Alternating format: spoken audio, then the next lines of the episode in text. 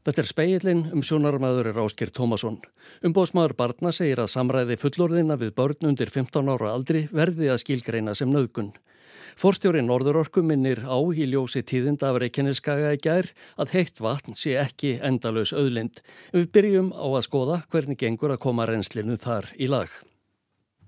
Heitavasslögnin frá Svartsengi til bæja og byggðakjarna á Suðunessum ropnaði þegar hraun rann yfir hana um háti í gær með þeim afleðingum að um 30.000 manns urði heitavasslaus þegar varabyrðir í töngum kláruðust á tíunda tímanum í gerkvöld. Týjir manna unna því hörðum höndum í nýstingskulda í alla nótt og fram yfir háti í dag að tengja nýlagða varalögn við þá sem fyrir var. Guðlaugur Há Sigur Jónsson er sviðstjóru umhverfisviðs í Reykjanesbæ. Guðlaugur, hvernig hefur gengið að tengja nýju lögnina? Það er bara gengið mjög vel þegar þetta kláruðu allar söður núna rétt eftir háti og byrjuði að leipa á lögnina núna 1.30 þá er það að láta reyna á viðgerðina. Það gerir þetta mjög hægt bara af ásækningi. Og þegar þú segir hægt, er, er þetta bara í drópatali eða? Æ, ég segi þannig að þetta er nú sver lögn en hérna, þeir, fara mjög hægt í sakitina þar sem að málmurinn eða rörin sem eru undir hrauna hluta eru sjóðheit og vatni sem er þá kallt núna þannig að það er samt yfir 100 gráður þá er bara hitabreitingar og þenslur og fleira röður sem maður þarf að gæta Nú var vitað af skemdum og hlutaðleislunar fyrir er vitað hvort að þetta muni halda?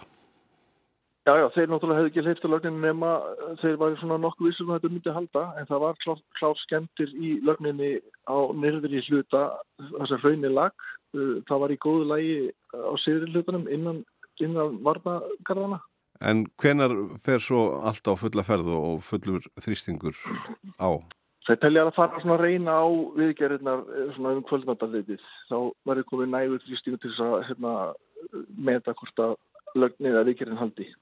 Þannig að menn býða í raun enn á milli vonar óta en þó frekar vonamegin.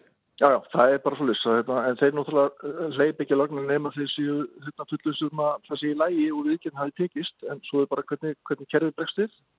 Það er hægara orðin gjört að skrúa fyrir hittavitu fyrir 30.000 manna byggð svo að hægt sé að gera við hana og það tók tölverðan tíma, segir Guðlugur. Það þarf líka að fara hægt í að skrúa frá aftur og fylla á byrðatankana. Þegar þeir eru fullir er vatni svo hleyft á kerfin í bæjunum og þar þarf enn að fara hægt í sakirnar ef ekki á ítlað að fara. Engar teljandi skemdir virðast hafa orðið á óupphituðum húsum í brunafrostunni í nótt sem leið og í dag hefur frosti verið töluvert minna. Það var mjög kallt í nótt og hérna, maður sér hérna í annar eitthvað engisleru pípar að tæma snjóbröðskerfi sem er eitthvað svona helsta hættan núna í svona stuttan tíma. En þú reiknar með að verða orðið hlýtt hjá fólki eftir já, sérstaklega tvo sólarengi eða hvað? Já, sunnudagskvöldi, þetta segja sunnudagskvöldi vonandi, það verður þá komið á allan bein. Og hvað er orðið kallt heimi á þér til dæmis? Það er bara aftilega, ég er svo sem ég ágæt, ágætlega einogröðu húsi, það er svona konar kvartar aðeins, en ég er alveg góður, þetta er alveg 20-22 gráður sko. En þá? Ég, já, já, já, þetta er ekki þannig að það verði ískalt strax sko. En það er maður reist af húsum sem eru, eldri húsum sem eru kannski ekki alveg að halda vatn og vindum auðvitað, auðvitað er fljótar að kolna þar. Kaldavatni dætt líka út á keflauguflúilli og ásbrú um hríð en það var vegna bíluna sem var alls ótengt eldsumbrótunum og tókst að koma því á aftur um hátegispil í dag. Áhyggjur hafa þó verið uppi og eru reyndar enn um að kaldavassleislan til Suðunesja gæti líka farið í sundur í yfirstandandi hamförum rétt eins og heitavassleislan og þá er spurt hvað með framaldið þarf ekki aðra aukalög fyrir heita vatnið og varalög fyrir kallt vatn líka. Já, við erum búin að huga kalda vatninu. Það er komin hérna, ný lög frá átnarétt hérna í Söðunarsabæ. Þannig að við erum nokkuð segð með kalda vatnið. Allavega tvær tvö upptökusvæði sem er fyrir kalda vatni. En það er klart maður að fara að skoða hérna, eitthvað skonar varaleg fyrir hýta í framtíðinni. Við mögum eiga vona þessu í mögulega einhver ár í, í framtíðinni og hérna, þá þarf að vera klart hvað við gerum. Og við erum einmitt, sveitafæðið bara, Reykjanesberg er að gera viðbarasáallinir fyrir lengri tíma, ef þetta sleppur núna sem bara nokkur algjör kraftverk sem að starfsmenn hafa sveitna og hafa svo okkur hafa verið í. En það gengur að koma hitta á, á höfgeðalagi á sundarskvöldi þá er það bara frábært. En við verðum að búast við að eitthvað tíma missu þetta í lengri tíma. Guðlögu segir því mikilvægt að klára breytingar og uppbygginga á Suðunesalínu 1 og 2 til að tryggja raforkuöryggi á Suðunesjum. En, hérna, en það er heitavatnið sem er náttúrulega bara eitt leggur og það þarf ekki mikið að breyða af svo að við verðum heimlega heitavatnilegs. Þannig að það þurfti að já, tengja einhverja línu bara úr hafnarfyrði eða eitthvað álíka? Með grunna að sé fara hennar stað eitthvað vinn og, alltaf svona áföll hérna, íta mönnum að stað að fara að hugsa hlutina og þá bara halda þeirri vinnu áfram og klára með einhverju aðgerð. Eitthvað sem þú vilt koma að svona lókum? Já, ég heldur bara að vilja þakka íbúum Suðunisa fyrir að hlusta á tilmæli um, um hérna, við erum ekki að eigða ofmikill í orku á óþörfa. Það er greinlega, við, við erum að vakta eða hásveitur er að vakta álægið á ráorkunni og það hefur greinlega verið hlusta vel og hérna, fólk fyrir sparlega en þó, þó séu flestir með hérna, ramasopna inn í húsum núna til að bara í eignament þá hérna, er það ekki að fara með álæg og ekki, við þurfum ekki að kalla út fólk til viðgera vegna álags. Þannig að það var allt gengið bara vel? Bara gengið mjög vel, bara mm. virkilega. Þetta var Guðlaugur Há Sigur Jónsson, Ævar Örn Jósefsson talaði við hann.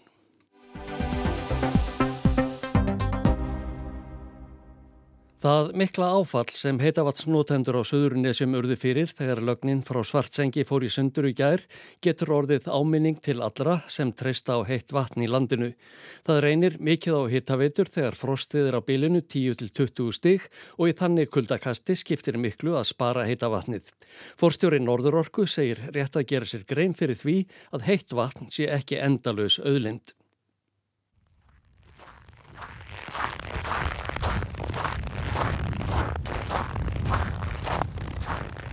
Það marrar í snjónum enda frostið mikið þegar þessi skref eru gengin og oft hefur orðið mjög kallt í vettur. Þá reynir á að hitta veturnar og er að mörguða heikja eins og Eithor Björnsson, fórstjóru Norðurorku, þekkir vel. Já, það er óætt að segja það. Mm. Þá reynir verulega kerfin okkar. Þetta er náttúrulega um, umfáksmikið svæði sem við erum með. Við erum náttúrulega með Akureyri og hérna fram í Eyjafjörðarsveitina og svo hérna út, út með uh, Ólásfjörð sem er nú í miklum áskorunum núna og svo er Reykjaveita sem að þjónar Fnjóskadalnum og, og Greinvík mm. og hér er bara allt á fullir í ferð vægarsagt og það má lítið út á bregða eða nánast ekki neitt. Þannig að ef einhverstað bila lögn fyrir flaðut vatn þá er voðin vísi? Það væri mjög erfitt og vond að fá stóra bílu núna eins og til dæmis hérna á Akureyri. Við þólum það illa í svona aðstæðum því að við erum að keira kerfin okkar bara í kvínandi botni og bílun myndi því að það við þyrtum að loka eitthvað starf. Það er því skerðing. Í svona árferði senda veitufyrirtækin frá sér varnaðarorð og hvetja fólk til að spara heita vatnið. Eith þá segir að fólk gerir sér skiljanlega ekki alltaf grein fyrir því hvaða ábyrð fylgir því að nota heitt vatn á köldustu dögunum. Nei og við höfum búið svo vel á Íslanda að við höfum ekki þurft að velta svo mikið fyrir okkur. Við höfum áttu nóað heitu vatni og talið okkur alltaf vega nóaði en nú erum við bara að vakna fyrir annað veruleika að, að landslægi gjör breytt það er ekki nóg til eins og er og við þurfum alltaf að ná í meira.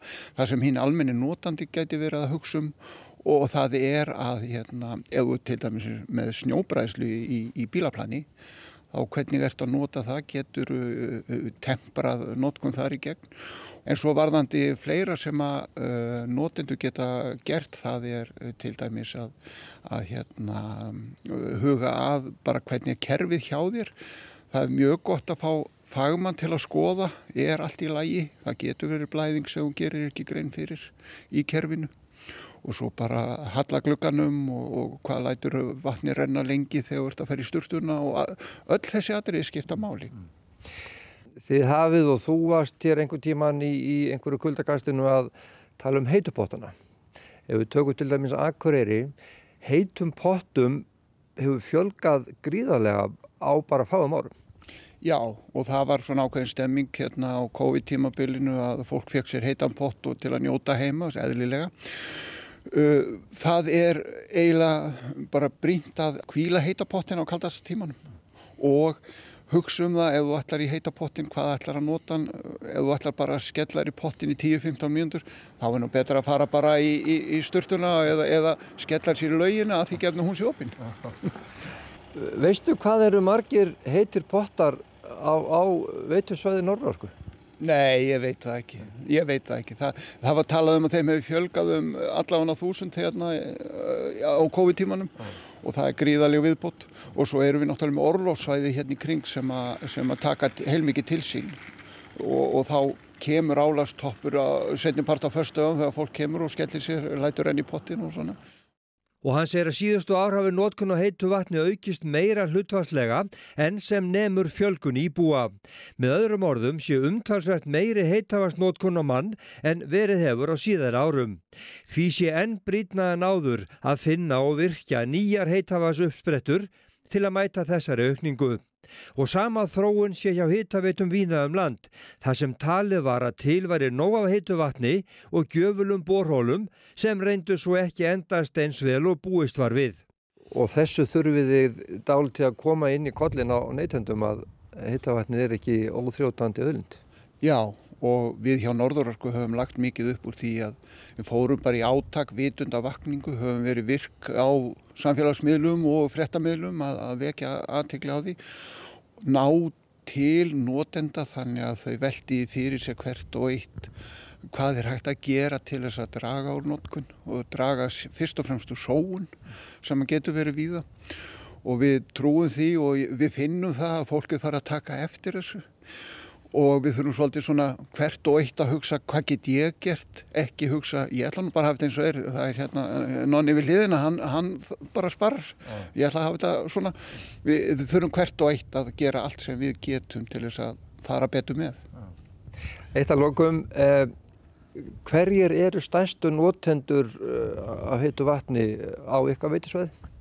Á okkar svæði eru það nú stór mat, matvælafyrirtæki sem eru stóri nótendur og svo auðvitað eru sundlugar stórir, stóri nótendur og, og taka mikið til sín og, og þar eru sannarlega sóknarfæri í að fara betur með. Og svo er mikil hérna, stemming fyrir upphituðum til dæmis fótbolltaföllum að hýta þá upp og hafa þá svona spilfæra allt árið og, og, og maður skilur það vel en þetta eru mjög þurftafrekir notendur. Og, og þau með þá ekki gleyma að skrúa fyrir hittarlagningleginu vellinu þegar það fer að voru á kemur sumar?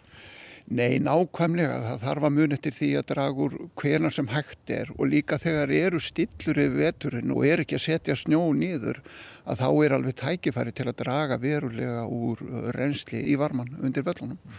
Þannig að tækifærin eru við það. Þetta sagði Eithor Björnsson, forstjóri Norðurorku. Ágúst Ólafsson talaði við hann.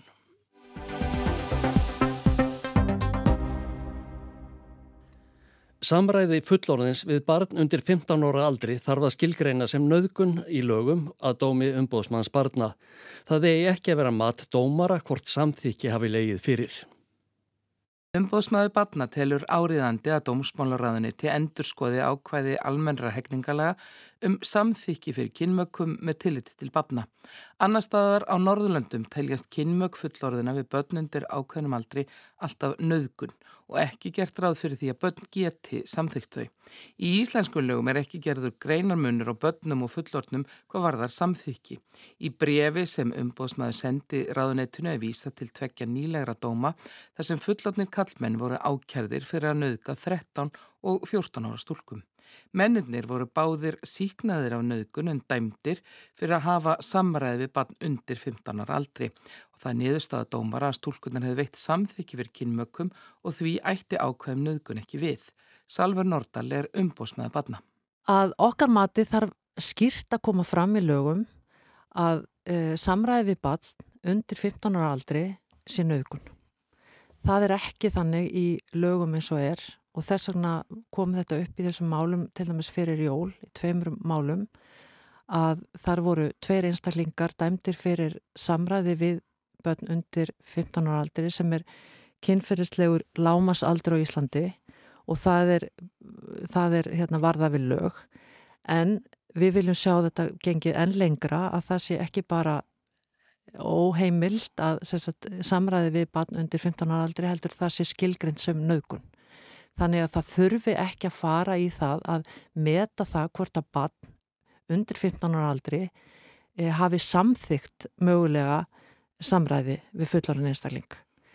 Þannig að, að þetta er ekki skýrt greinilega í lögunum og það komi auðvitað fram að, í umræðum um þessi mála að það hefði komið óvart að, að þetta væri ekki skýrt eða að það væri ekki hægt að tólka lögin þannig að í krafti bara yfirbyrja stöðu fullanins einstaklinska hvart batni að þá væri þetta nögun en það, það var ekki og, og hérna þannig að þá þarf að setja þetta mjög skýrt inn í lögin að samræði við batn undir 15 ára aldrei er nögun. Það skiptir mála nöðgun sé talin mjög alvarlegt brot og refsegramin sé því þingri. Breyting á lögunum myndi bæta réttastöðu batna.